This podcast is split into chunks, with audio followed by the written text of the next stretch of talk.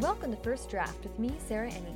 Today I'm talking to Amy Spalding, whose newest book, The Summer of Jordi Perez and the Best Burger in Los Angeles, is out today.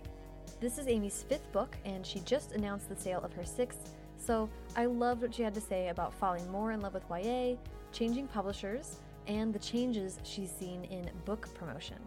So sit back, relax, and enjoy the conversation.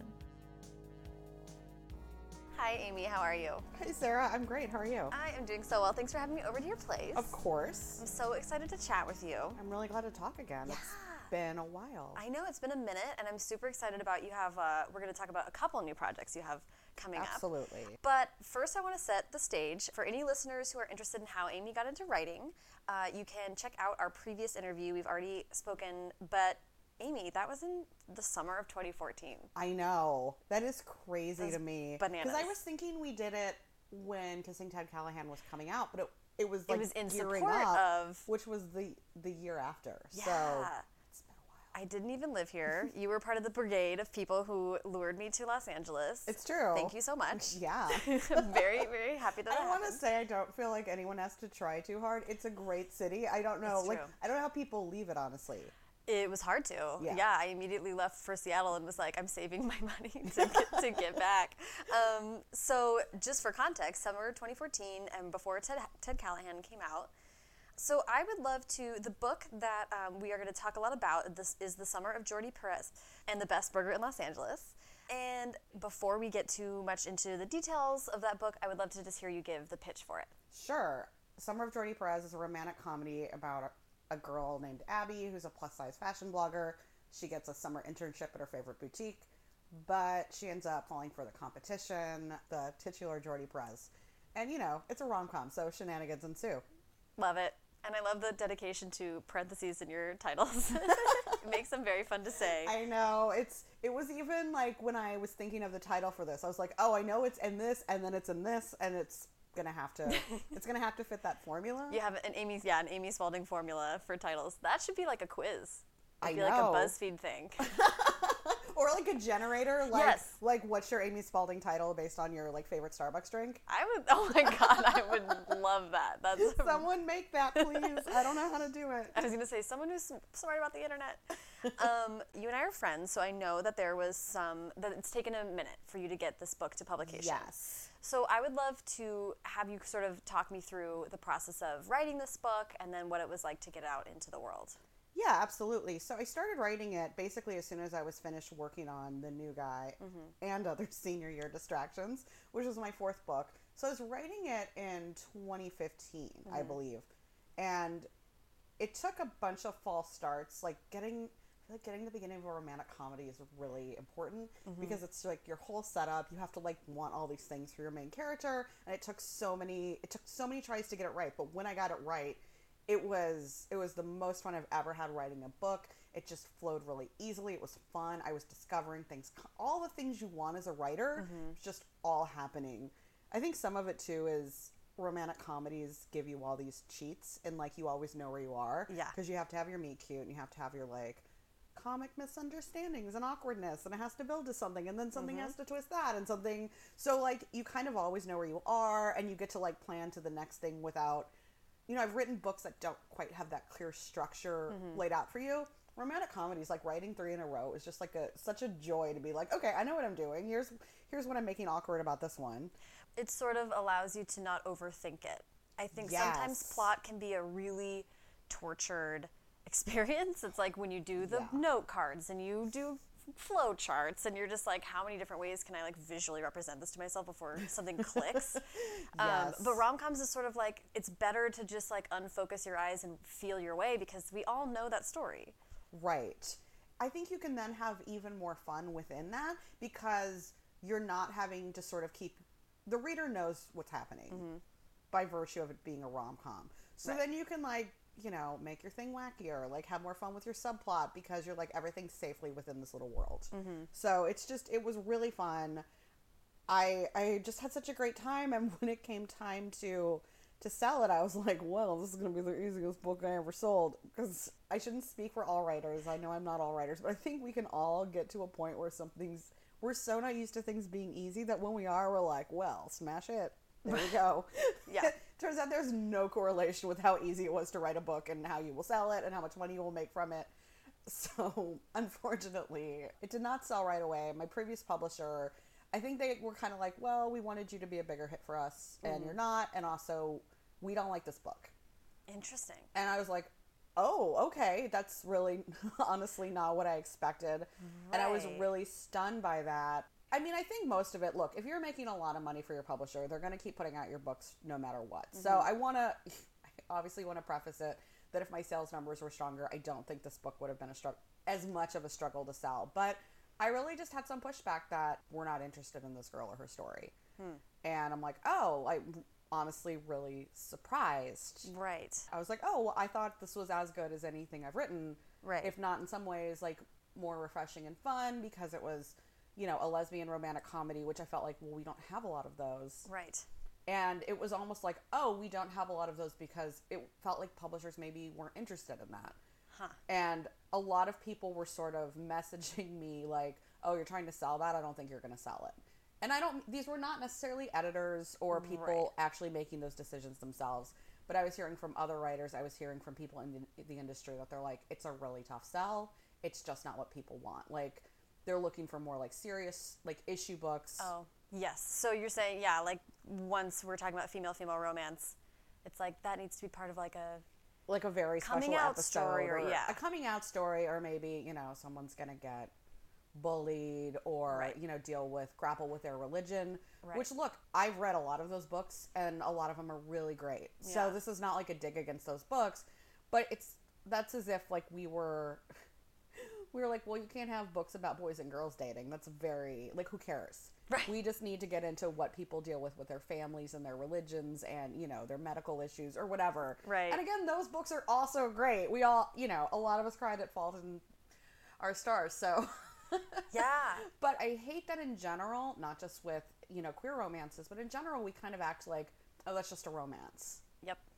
and you know a lot of those lot of those romances actually still deal with you know things like self-esteem or you know relationships with the rest of you know your family and your Yeah. friends A lot of them deal with women having careers, yes which is and in YA, often it's w- like girls' ambitions, like what the career they want to have later is. Yep. How they're going to get into college, things like that. Yeah. And it's frustrating to me that I think sometimes it's sort of treated as like, oh, well, it's just a romance. It needs to have all these other things. well, and by just a romance, they mean it's a woman's story for Yeah. women. Yeah. It's, it's a lady story for people with lady parts, which is nonsense. There's actually Scriptnotes, that podcast with John August and Craig Mazin, uh, mostly about screenwriting, but is hugely interesting uh, just for story writing standpoint.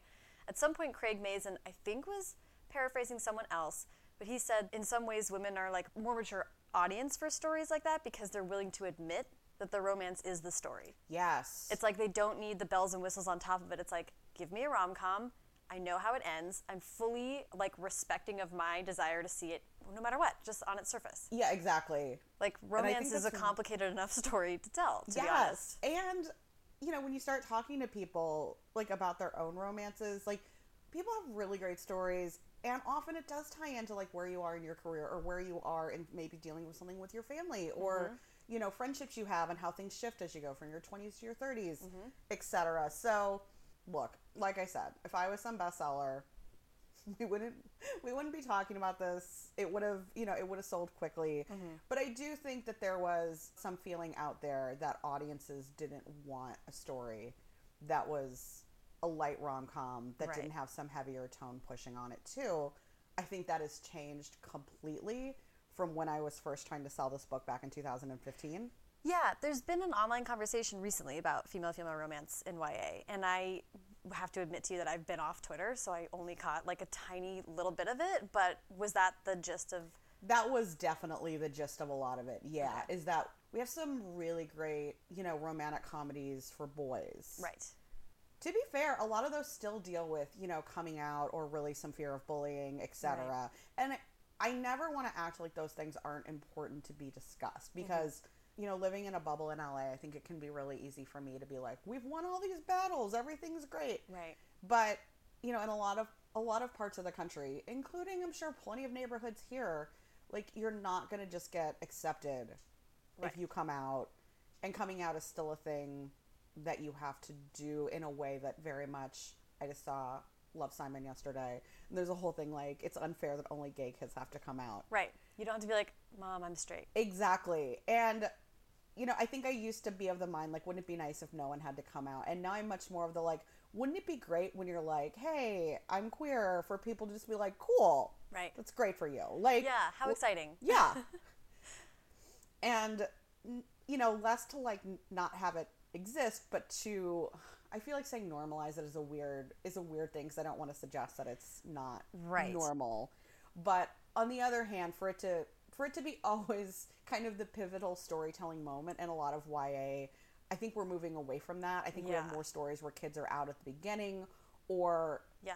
you know, you have to come out all the time Mm-hmm. If you're queer because you can't like it's not like you tell your parents and your best friends and then that's it. Like you ha- And have the world to- gets the memo. yeah. it's like oh, there's that gay kid. Um, so you know that's always going to get covered to some degree, and I I think there's a lot of power in a lot of those stories, especially for like a younger kid who may need it for Right. it's some sort of like kind of like blueprint to survival almost like oh here's how this kid handled it that's awesome Yeah. but I also think a lot of times, and this goes for not just stories about queer kids, but stories about other marginalized kids, it sort of feels like that's the book for if you're not that, so you understand why to be nice. Mm-hmm. Like, here's a story about black kids deal with racism, so I should stop being racist. It's Right. like, I feel like that's a basic tenet of society that we should not be racist. I think stories can do more than that. Right. Yeah. like, yeah, let's yeah. start under the premise that we shouldn't be racist, and like then tell some stories. and go from there. yes, I know. We're at a challenging stage where there are a lot of people who there's a lot of really foundational stories like that that are coming out stories that are the like I mean so many books recently about Black Lives Matter movement and things like that that are hugely important. But then also I'm like let's like bring in the books that are like if you are a black high schooler like this is a book you can disappear into and just have a good time where people look like you and have your life experience and like this book like if you are a young woman attracted to women like how fun to see a rom-com where that's your experience reflected on the page For sure. And that's, ex- I mean, that's exactly what I wanted to write. I just thought, like, if I was a young queer teen now, I mean, like, back in the 90s, I don't think you're sort of like, oh, there was a gay person in it, thank God. Like, Right. It's amazing. Right. And it, now, when I, like, go back and, like, revisit things from the 90s, like, man, a lot of the queer characters really had to deal with some shit. or so many of them were like there was just straight characters were like this is such an obvious veiled gay character Yeah, like yes, there's that too. yeah, it's so interesting. But I actually recently had um, got our friends to donate a whole bunch of their ARCs and a bunch of books that they were getting rid of to me, so I could bring them to the LGBT center downtown or in Hollywood. And then I showed up, and they were like, "We really only want books that have LGBTQI characters." Yeah. And I was like, that's fair. So then I had to go through all these boxes and identify the books that had even just a, char- a side character or whatever, Right. any, any representation. And I was like devastated, like going through my oh, car and then Oh, the number of books that I had versus the number of books that were appropriate to donate. It was like not a good margin. It's so sad. It was Yeah. a bummer. And it was a lot of like, well, all of the Sweet Valley Highs. Nope. Nope. So there was stuff like that. Anyway, that Yeah, and I, I keep stressing. I wrote this book in 2015. I was really thinking about it a lot in 2014. Mm-hmm. So a lot of a lot of my thoughts were really based on what was available at the time, and mm-hmm. things are just getting so much better. I love that I'm now like sort of part of this wave of you know really cool Yeah. girl books that are coming out because there's Yeah. so many great ones and ones that I haven't read yet, but that I'm really excited about. So I kind of feel like it taking a while may have been a good thing. It's nice to sort of feel like right. part of this little like group of people that I'm like, oh, we're all really excited about each other's books. We're pushing them. It's really great. But yeah, it just I think the concern is that a lot of times publishing still thinks of like what is my reader in the middle of the country going to get out of this? And I think that's why you see books about, you know, if it's a book about black kids, it's still like trying to teach a lesson to white kids. I mean, it's why I was so excited that The Hate U Give like became this huge hit because I'm like that thing's being sold in like Walmarts and Costco's throughout the country. Yep. And like, oh, it turns out that like white kids in Omaha, they still want to read about like what a black teenager's life is like. Absolutely. And that book still has like romance in it and friend drama and it's not just like here's why to care. Yeah, right. And I'm like, that was so exciting for that story being told by a black woman. Yeah. to just go like to be that big across the country. Yeah. And I'm like, readers aren't scared. Like the way publishers get, I think they get nervous. They're like, what is, you know, Yeah. what is this sort of like average reader Right. think? And I'm like, I don't think, I think you're not giving the average reader enough credit. It's just one uh, example of the many ways I think that we underestimate teenagers That too. and the fact that they are like we were just talking about people younger than us are like aspirational. Oh And, my like, God. Teenagers are just way. Like, I watch all the stuff about the Parkland students, and I'm just like, like, don't put me on camera now. I wouldn't be that Oh articulate and incredible. Seriously. But yeah, for I think kids actually, I think they want those legit stories, and I think they see themselves in ways we're not always cognizant of. Mm-hmm. And I, I mean, I think the idea that publishing had for a bit, it sucks, but it's true. If you want to make money from this, you can't then act like it's appalling that people are like, this won't make money, we can't buy it. Right. Yeah, that's fair. But at the same time, I think there were these ideas of like, oh, well, if our average reader is this like, you know, Midwestern girl, mm-hmm. we can give her the book about two boys because the two boys are really cute, and then she mm-hmm. likes two boys. But like two girls, what's she gonna do with that? Instead of being like, there's queer readers who need it, who like who cares Right. if like a straight girl gets something out of it. Right. But like also, I think straight readers can get things out of gay stories, even if it's not like a lesson to be told. Yeah. Like, There's like uh, Kissing Jessica Stein or whatever. All these like, I mean, which are just like pure delightful movies on their face. Like that's all we need. yeah, to exactly. Well, we solved it. yep, that's it. but again, I think I think readers are like, no, we want these stories. Yeah. And publishers are seeing that, and the tides are turning. And I think, you know, when I people are doing those roundups of like, you know, this many books coming out this year with like characters of co- color on the cover. I'm like, oh my god, look at all they can't even fit the books in the thumbnail images. Yeah. And like a few years ago, it was like two books. It felt like. Yeah, and when and we're talking the week that Children of Blood and Bone hit number one, Yes. and that Love Simon came out. Is it Simon versus the Homo Sapien Agenda, the movie title, or is it Love Simon? Love Simon is the movie title, Okay, and the book was Simon, Simon versus, the Homo sapien agenda. Okay, That's one of those title changes where I'm like, yep, that yeah, it was a good needed- book title, but no.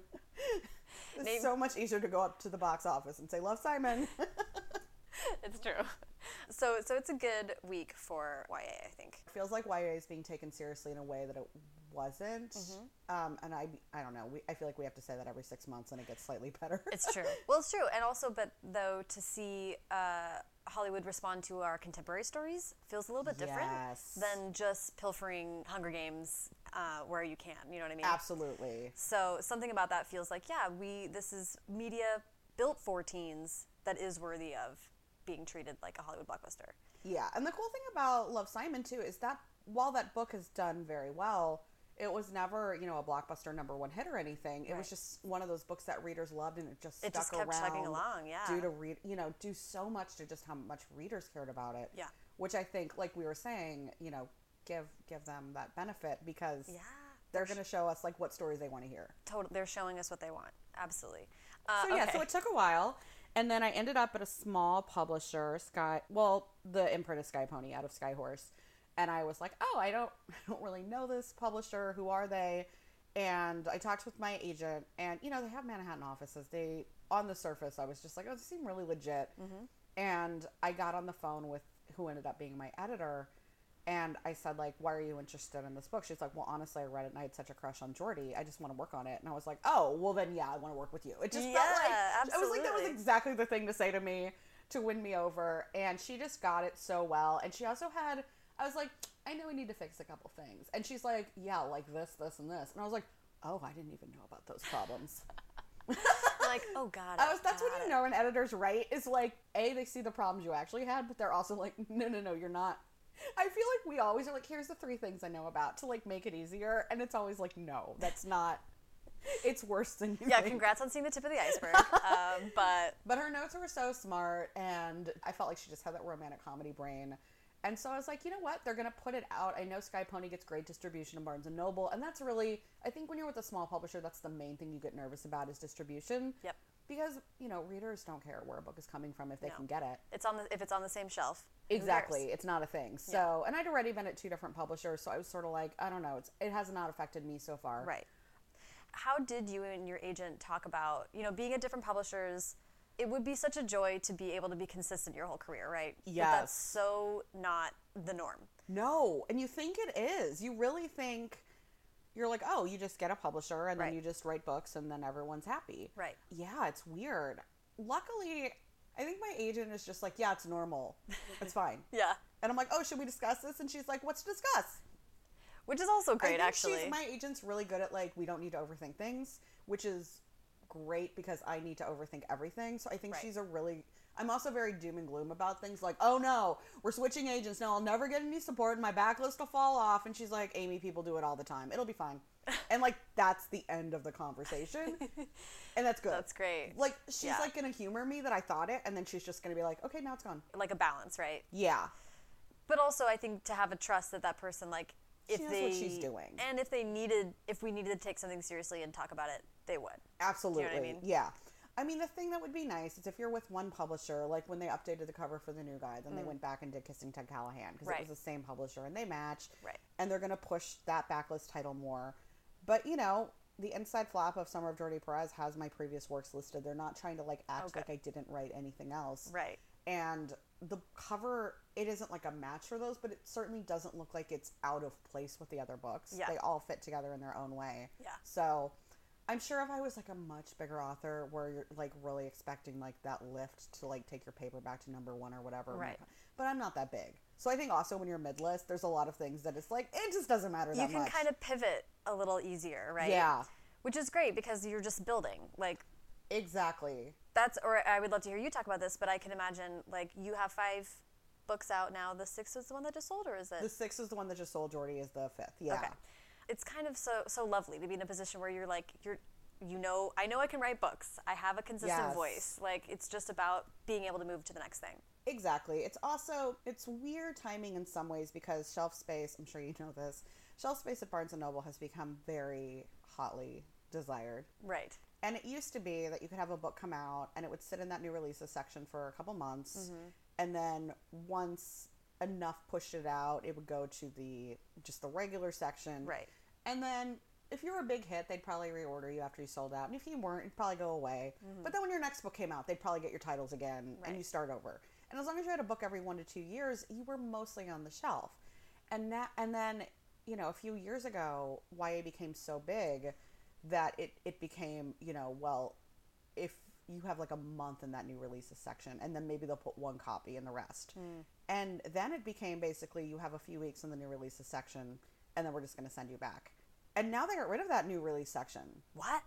At least the last time I went to Barnes and Noble, it's just literally they don't they have like one or two things that face out for like award winners, new Right. kind of bestsellers, and then the rest is all just. Dang. you know a lot of it's not face out anymore. Right. Which I'm like, well, I don't know how long that that gets a chance to stick around. Man. Um, I don't know how many of those grab people's attentions as they're walking by. I feel like now more people need to know about a book before going in. Mm. You know what? I still think people browse. I still think kids want to hang out Yeah. and check out titles. Yeah. I also have a really good spine on this book. I was gonna say Um, that's a huge thing. so then. like, thank God. but it just you have to make a big splash, Mm-hmm. real like pretty fast out of the gate. I work. My day job is in theatrical marketing, and everything's about opening Mm-hmm. weekend box office. And like, it doesn't matter if it does amazingly in week two. If it really tanked in week one, you may not really get that chance. right. And I was like, oh, I love that. Like my other thing is books where you just all this time, and now I'm like, oh god, it's compressing. So we're just gonna have opening week box office for same. both. It's that's very cool that you're in a position to sort of have already been thinking about promoting things for opening weekend though. I mean, It's true. Um, it's it has really changed my thinking on book promo. Mm-hmm. That I'm now just treating it like I do theatrical. which is great. Like in your head you have like timelines, I'm sure, and like Well, it's great, but it's also like, oh, cool. I'm scheduling everything. Like it's Right. going to be one week of people really being sick of me. Not like a month of people being like mildly like, oh, her again. so I don't know. Is that better or worse? I'm not sure. Uh, I think I'll be fine. um, in our last conversation, we talked about this feeling you had when you found YA, that it was like your place. Right. That you were so excited to find it, and that it was like your place for your voice, and it really fit you. And it struck me that The Summer of Jordi Perez is like this leveling up Mm-hmm. of representing yourself on the page because there's queer girl representation, of course, but there's also fat girl representation Yes. and fashion, and of course, LA. Um, Always, almost always LA. yes. So it seemed like on the outside perspective, I was like, it seems like Amy's settling in even more and finding other ways that YA can reflect her life. Yeah, absolutely. It's always weird because I think a lot of us exist in this world of I want to write something that'll sell and I want to write something that readers will like. I also want it to be something of me on the page. I also Right. want it to be just a story I'm interested in telling. It's all these things you're kind of filtering at the same time. It, I think that goes for, you know, even when an author is writing really fantastical worlds, like there is something it is coming from that's probably very personal mm-hmm. or very inspired by something they dealt with, etc. So we're all i think juggling sort of like how am i representing myself how am i getting just cool ideas out there mm-hmm. also i want to i want this to sell and people Yeah. to like it Right. but i had sort of in my in my rolodex of like ideas i'm going to do at some point. I was like oh i'm going to write a queer girl romance and i'm going to write a fat girl romance and i'm going to do all these things. And the funny thing was i was just like this is this is one book. And I do that a lot where I'm like, I'll have two like half ideas, and I'm like, no, that's the, that's just that's the full book, Oh, you dork. Ah, that's so I mean, the same thing, which I know we'll talk about a little more in a bit, but the same thing happened with my sixth book where I had like, I had like an overall idea, and then I had like one specific story idea, and then I was like, no, that's just that's part of the story, and I was Mm-hmm. like, oh, this is a lot easier to write now. So, again, though, I don't feel like I've learned this in any way moving forward. Like I always have to relearn that like like it's the two ideas are like the one thing. So But I think that's useful, right? Like I'm imagining like clicking over to a Word doc of like ideas, and it's just bullets, and you can be like, oh, these can tie together. exactly, yeah. If you're like, I want to write a story set here, I want to write something set in the summer, and I want it to be about this kind of person. Maybe that's just like one story that you can like layer that stuff into. Yeah. And also then it's almost like your idea. It's almost like you're cheating because your ideas are like working with each other or working against each other, and then it gives you like writing a book about a fat girl, but then a girl who is interested in fashion, but also interested in girls, were all these things to explore that I wouldn't have gotten if those things were Separate. were separate. Because you care a lot about fashion, but you're plus size, like trust me, it's like it can be very frustrating, or it can be really thrilling and exciting to make people rethink what they think a plus size person is. Mm-hmm. And I was talking about this in a different interview yesterday, but I think sometimes exploring body issues, you're always, I shouldn't say always, maybe some people are just really confident. I think a lot of people, if you are, if you're dating someone new, you have to rethink about your body and how someone else sees your body and feels your body. I think that's a, an experience a lot of people have. And I don't even want to limit Yeah. that to women. I think that is Oh, just pretty universal, I think. a pretty universal feeling. But there's something I think about when you are a girl dating a boy that there's ways that you can kind of be like, well, I feel fat, but he's like a lot taller at least. I can feel like Right. women are taught like they they should feel like small and delicate, sort of like Right. in a romantic or sexual situation, which is I'm is bullshit. By the way, like Yeah. that's not like something I'm like. So we need to figure that out. Right. No, it's bullshit. But I think we've been socialized to sort of feel that way. Yeah. But writing about like two girls, like you're just maybe going to be a lot bigger than that person in every way. There's not going to be some way to you sort of like self justify it, and you maybe have to confront. You have to confront things that maybe you you could have not worried about. Right. So then I was like, oh, cool, more body issue stuff to talk about. Right. Fun. That's so true. And I mean, yeah, having those in tandem is very interesting. Yeah, I would love to say like, oh no, I knew, I knew exploring body issues w- between two girls would be no. It was just this sort of lucky accident that those were sort of all the ideas that came up at once that I wanted to tackle. Yeah. I love that. So it worked. It ended up. I felt like it worked out really well, and then of course it made the fashion stuff more fun. And So- fed into the the I mean, the hunt for the best burger too. Yeah, it was really just fun writing about. I'll be honest, me and my friends who are fat, we're not like, oh god, I better eat a salad in public or people will hate me. Like I get that like that is a thing I am like, societally expected to do, but I'm like that's just not how any of the people I'm close to are. Like no matter what their size is. Yeah. And it was really fun to just write about someone who enjoyed food and then wasn't going home to be like, oh, I shouldn't have eaten that burger. Now Right. I'm eating a salad. Right. Yeah, like a joyful relationship with food is a good thing to have in life. Yeah, and I, the funny thing is too, like I talk with some of my fat friends how we're like, if you just look at like what we eat, we probably eat the same or less than plenty of our thin friends.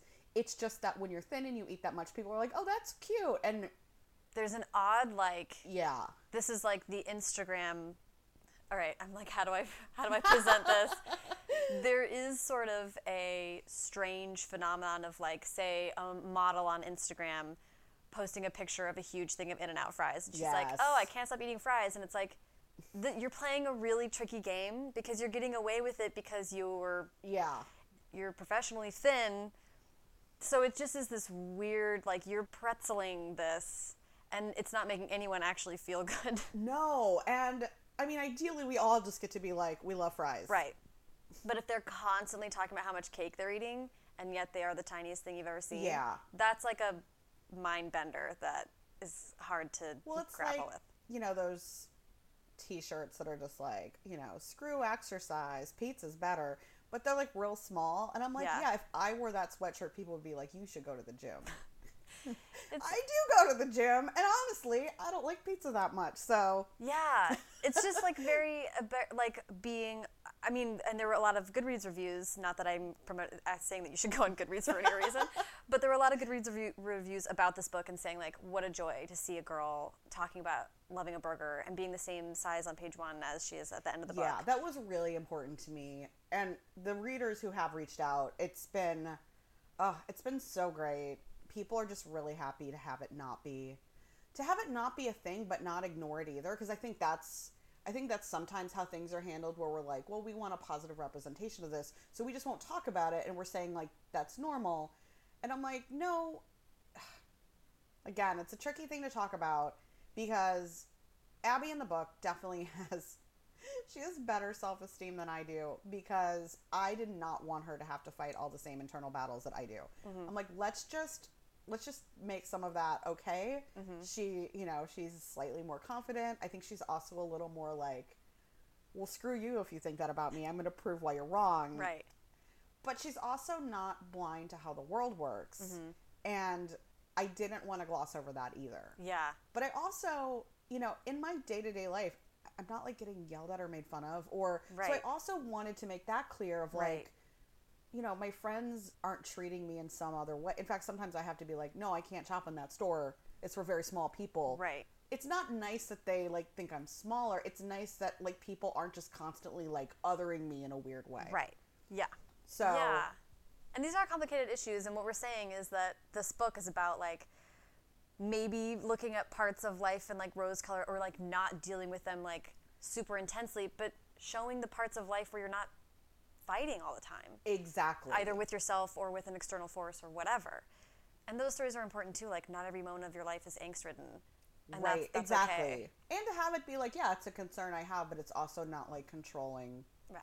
my day to day life. Yeah, um, which is awesome. Also, we talked last time. I was like, "Do you think you're inspired by musicals?" and you were like, "Yeah, probably." And like, it couldn't be more overt. That's really funny. I did not re listen to it. I was thinking about it and I was like, no, I'm going to get in my head. But that's hilarious that I. that I was like, who could say? and it was such a funny thing because it was like you were like, "I'm sure the storytelling," and you had a really lovely answer. And then I was reading you talk about Jordi, and you were like, "Well, Fun Home," which I want I wanted to hear you tell the story about Fun Home. And then I read the description of your next book, and I was like. Literally inspired by literally inspired by musical.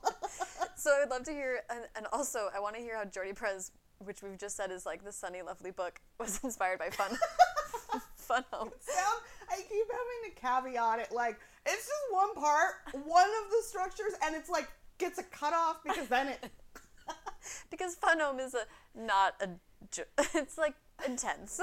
Fun Home's really intense, but I also feel like Fun Home has some of the lightest, sweetest, funniest moments. It's just that they're within this like very uh, tragic story. I love that people ask me about it because I'm like, yeah, it's we. How can you explain inspiration? It's the thing about Fun Home, which I'm always like, I'm a Fun Home hipster because I'm like, oh yeah, I saw it at the public before it was on Broadway. Amazing. I'm such a jerk about it. It's like like who nobody cares. Like why am I who am I impressing? It's always just been one of those books that's been very it's held this very important place to me. And so when I heard it was going to be a musical, I was like, that's a terrible idea. I didn't want to see it. I thought it sounded stupid. I don't know why. Like I funny. I know. It's you feel like it's a different lead up. It's an unexpected reaction from I Amy Spalding. I guess the thing about loving musicals but not really understanding how someone would write one mm. is that I couldn't understand how something that was so book is so like literate and drawing from all these really classical sources. It's very it's wordy in a way that's not dialogue-y. Uh-huh. And it's visual in a way that I thought was not necessarily for the stage. This is why I should not be in charge of what gets turned into a musical. I was never so happy to be so wrong about something. That's so great. But uh, one of my best friends went to see it because one of her really close friends was the choreographer, and so she got to go to like the invited dress rehearsal. And she was like texting me on her way back to her apartment, like, "You you have to get out here. You have to see this." I'm That's like, amazing. "Oh, okay." And so I did, and it just was one of the best things I've ever seen. I loved it. I loved everything about it. It's very dark. It's very sad.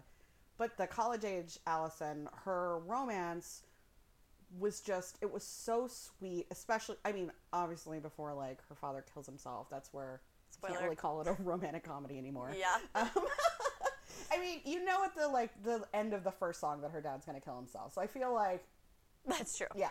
You guys know what's gonna happen. But it just i felt like it was there was something very sweet about that that they were you know you're away at college you get to just have this re- really pure experience that's just yours. Mm-hmm. You're in that little bubble. Mm-hmm. And there's something about that that i felt i definitely feel like it really inspired this is a summer book and you can kind of have when you're in high school so much is dependent on like who you're you going to talk to in the morning before class and who's sitting with who at lunch and but yeah summer gets to be this sort of like bubble of like no one's checking in on you no one knows what you're doing your time is maybe a lot more your own Yeah. and so the idea of like writing this romance that, you know, Jordi and Abby aren't in the same groups at school. They don't really like Abby didn't really know who Jordi was because she kind of lives in her own bubble to begin with. Mm-hmm. So it was there was something really fun about like writing that romance that like can't be touched by, like you know like once the first week of school starts and you have to deal with like oh well we're from like two different friend groups where are we sitting or Yeah. you know It's true. Summer is like, it's a blurring. yeah And that's why like camp stories are so fun, right? Or like going on va- summer vacation. It's like none of the strata of your everyday life like applies here. Exactly. And what would you be if you could be anything new is always super exciting. And I'll also say that, uh, like, I was definitely thinking about Fun Home a lot and listening to the cast recording plenty when I wrote it.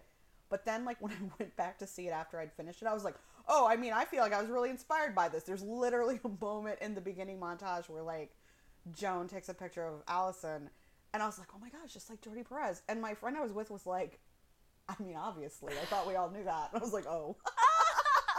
Like, oh, okay, got it. when your friends are like, duh. That's so, that's great. yeah i think anything where just like queer women get to exist and and have these even if it's not the overall story get to have these moments that aren't about some bigger things can be about queer identity without being like well now we must talk about how this affects our lives and being queer and this Right. it can also just be moments of silliness or romance Yeah, or like a non political moment. yeah which know? is still like there's something still really cool and political about being like hey look queer people are real Look at us having sometimes. fun. yeah yeah Yeah. It's true. yeah Yeah. oh man, we and like now this moment where we need like joy so I badly. You know, that's really funny too because I wrote this book in initially in 2015 and it sold summer of 2000 spring or summer of 2016. Wow. And so I was like, bear in mind, the summer I sold this book, I keep telling this story, but I don't care. Fun Home had just won a bunch of Tonys. The Women's World Cup had just happened in the US one. Yeah. And then gay marriage got legalized. that's right. And I was like, yeah, we did it, everyone. We're oh, taking over. oh man. queer women have won.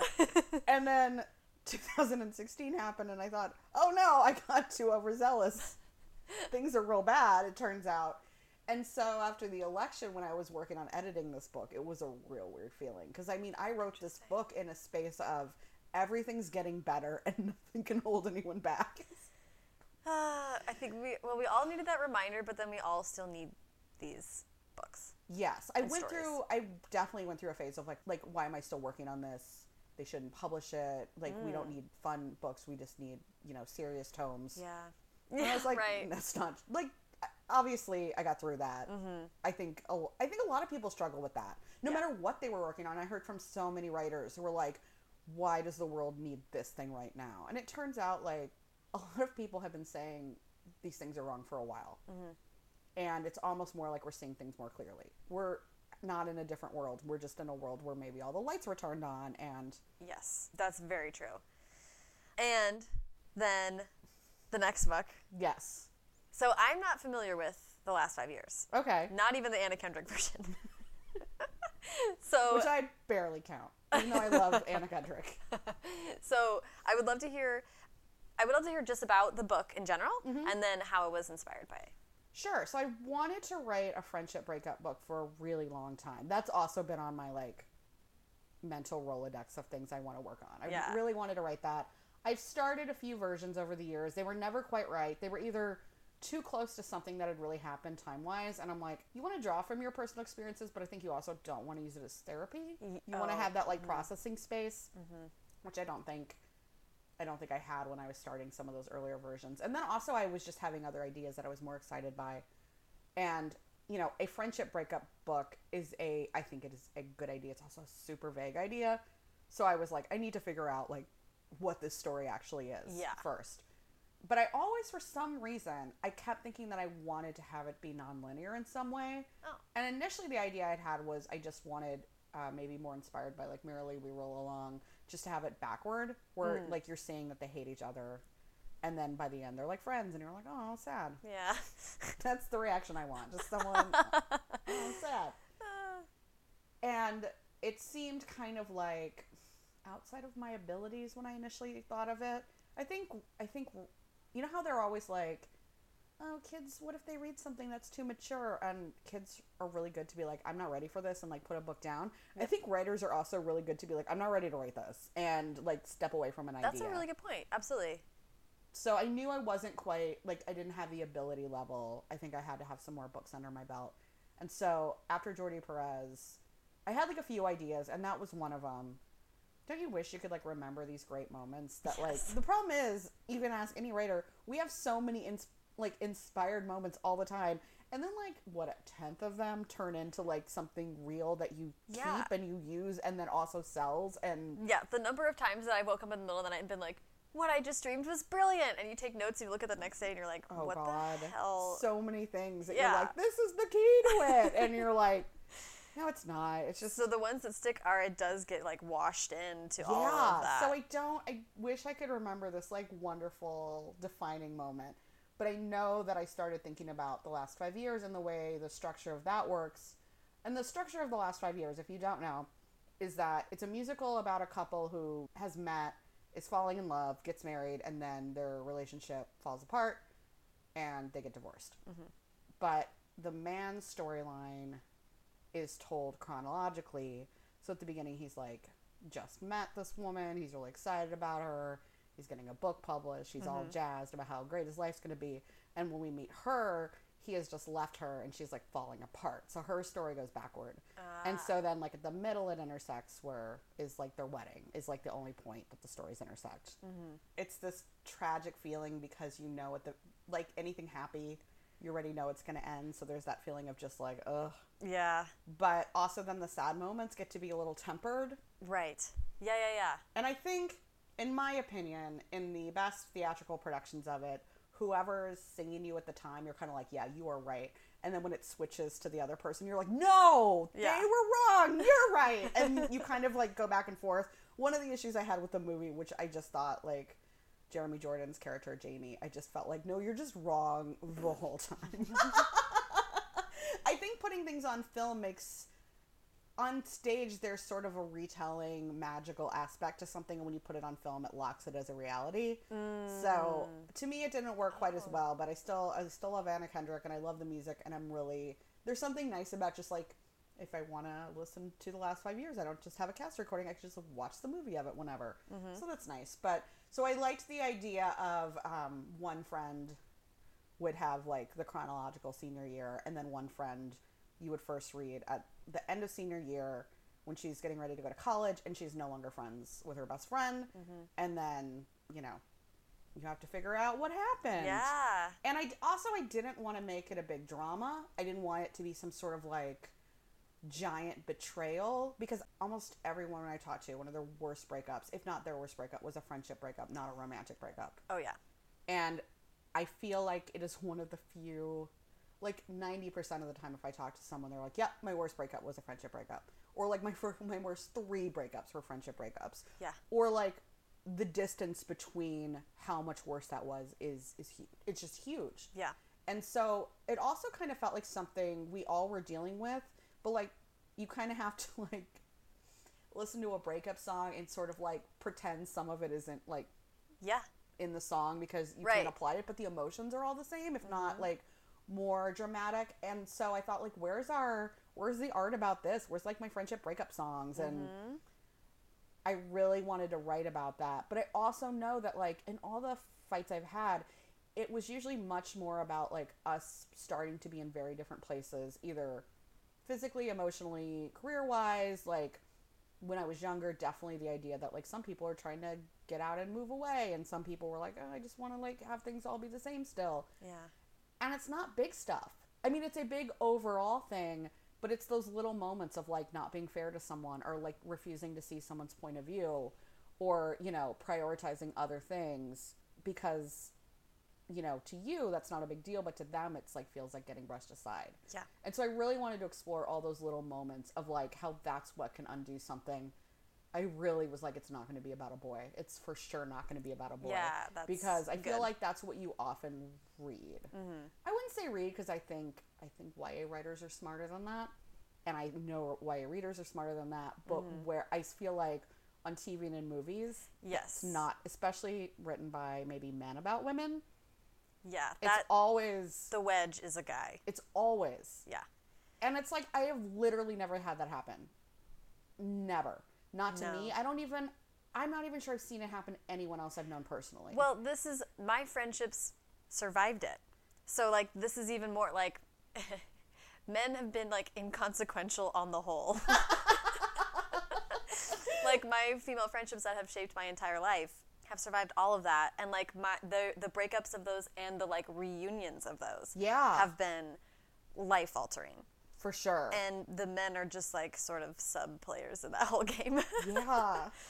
Truthfully. No, it's it's really been true for basically every woman I know. And so I'm like, where? Why is it that I feel like when these stories are being told, it's not in a way that's recognizable to me, mm-hmm. and it doesn't get at the heart of like what happens and how like can feel that weird thing of like, oh, I don't even like this person anymore, That's what I was gonna but say. they're like, my best friend. Like, what is happening? especially like and that's what, make, what makes senior year like such one of my favorite moments of in I time keep saying I'm going to stop writing senior year books because Never. You have to research colleges and tests and timing and applications. That's true. And it's horrible, but it is oh, such a good year for storytelling. it's such a good year everything is happening and those are the mo- the first moments like you know it's never more devastating than when you finally have the moment that you realize things have been different for a long time oh, and that you just haven't been seeing it and that's so devastating and so applicable That's to that period literally of time what I was trying to write about in this book too. So Yeah. I'm really glad. I feel I'm like, oh, good, thank God. I'm that's what I. that's what I'm trying to do. Yeah. Yeah. Yeah, and I just have to say it's so cool to hear you say like cuz because you said this in the last interview too that you were like writers have ideas that sometimes it's best to put an idea away, but I think almost everyone has one or two that it's like one day I'll get this right. Yeah. And I love that you're Yeah. This is that. definitely that for me. I'm. I'm really excited. I mean, it's finished. It needs to be edited, but it's finished. So I'm really excited about it. It was the hardest thing I've ever written. Like writing, I don't know. There are authors like Tess Sharpe has this. She writes a lot of nonlinear stuff, mm-hmm. and she has all these like guides that she's used for herself. And so she's like, "I'm going to send you everything I have," and I was like, "Okay." And I read it, and I was like, okay, sort of feel like I knew what I was doing. I also feel like I did not know what I was doing. But she also said things that just made me realize like I kept thinking I have to make the story work on its own that if you unflipped it and it was just told linearly that it still was worth telling, Yeah. that the gimmick can't be the story. That's so smart. And her note was basically like, but if you're doing it non-linearly, you also have to have a you can't just be like how cool that you don't know yet. It has to be done with purpose. There's a reason. so I mean, a lot of work. you're telling a mystery kind of at the same Sort time of, that you're telling a contemporary Yeah, story. exactly. And, I, and it's useful to think about it that way just because I think everyone who's a writer is like, oh shit. Like mysteries. the worst. So hard. I can't even.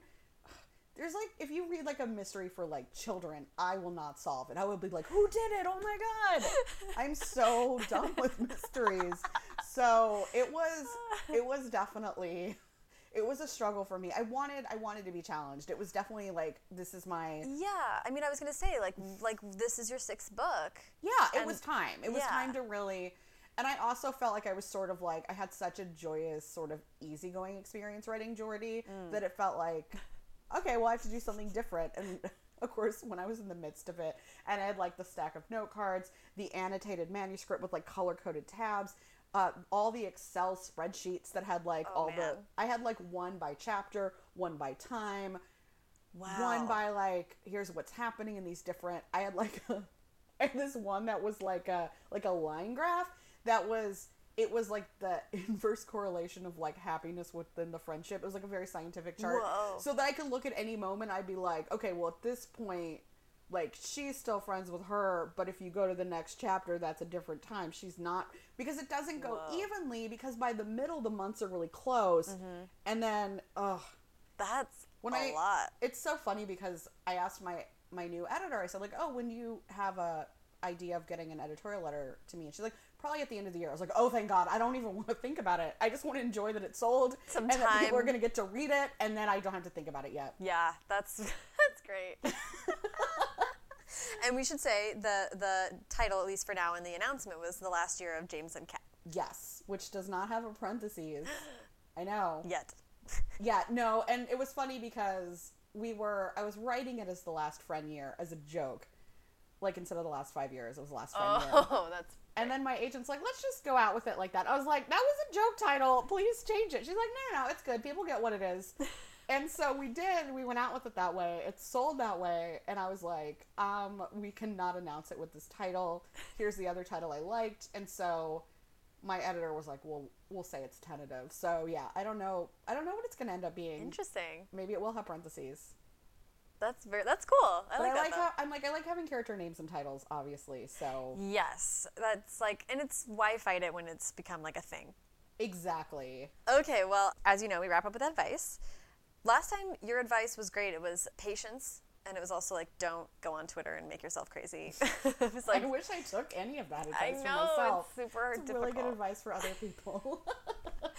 Um, I'd love to hear if there's anything like since we last talked that has become something that you would take as advice. yeah. When you're getting to it, it's like patience and just hard work.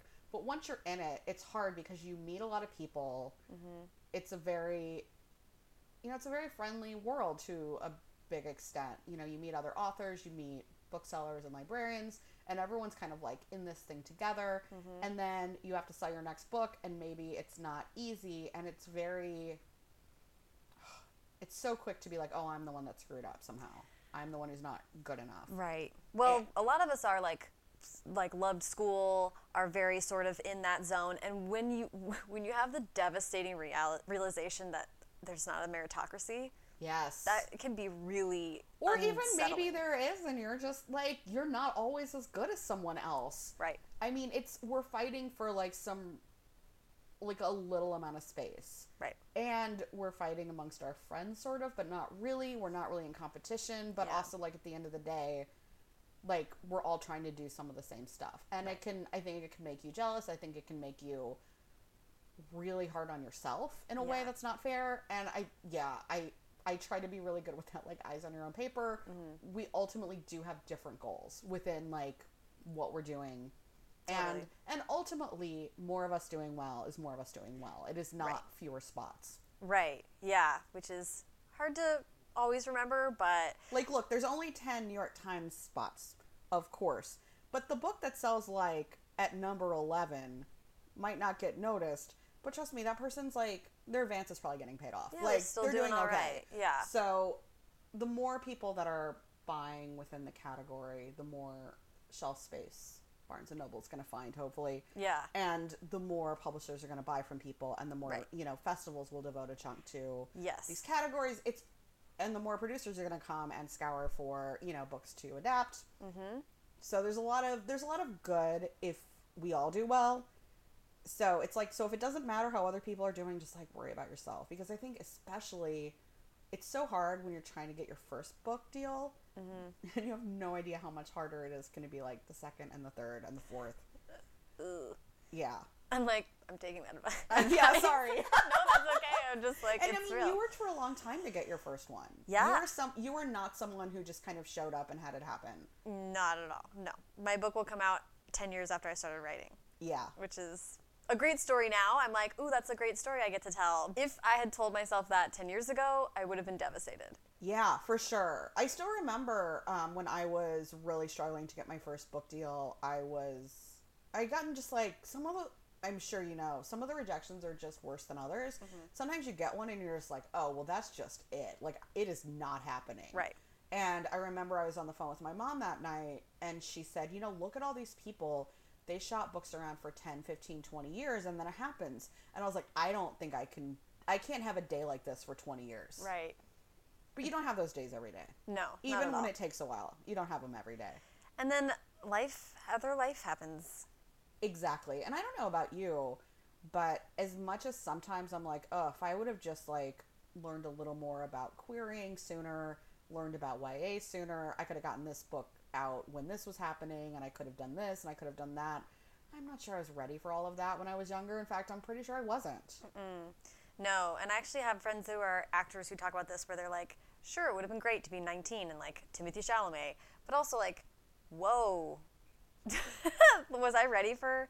Yeah. Like, no. And I'm getting published now with a book that happened after I had nine years of writing other books. Yes. How much better was I then than my first book, which is a monstrosity? Oh God, like I can't even imagine the early books that I thought were worth publishing. I'm really glad that I have no record of them now. Right. I don't want to know. that you don't have to deny their existence on a panel or something. And you hear that from people who started young too. Like they're they're like, look, I'm proud of myself, but like, would I write this book now? For sure not.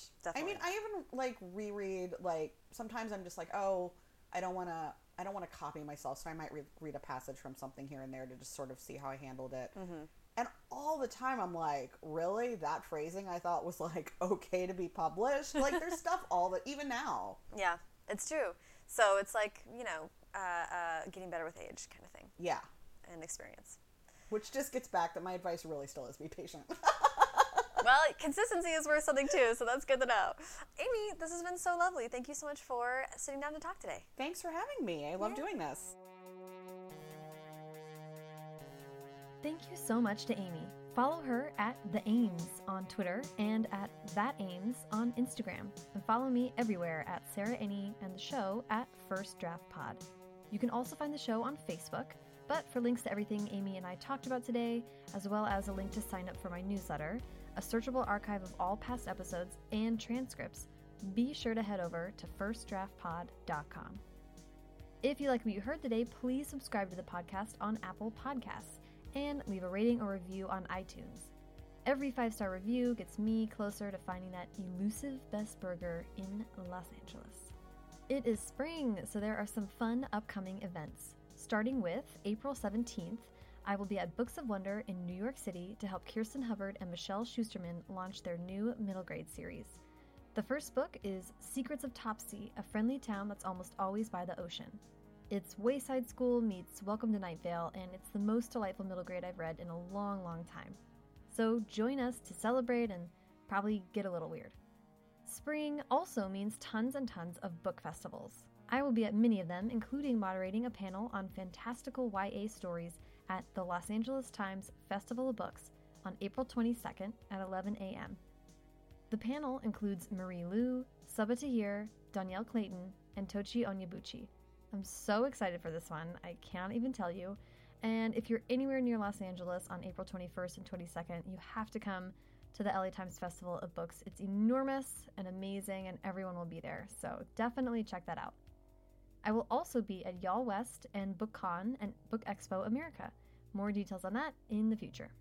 Haley Hirschman produced this episode. The theme music is by Hash Brown, and the logo was designed by Colin Keith. Thanks to super intern Carter Elwood and transcriptionist at large Julie Anderson. And as ever, thanks to you, nonlinear love stories, for listening.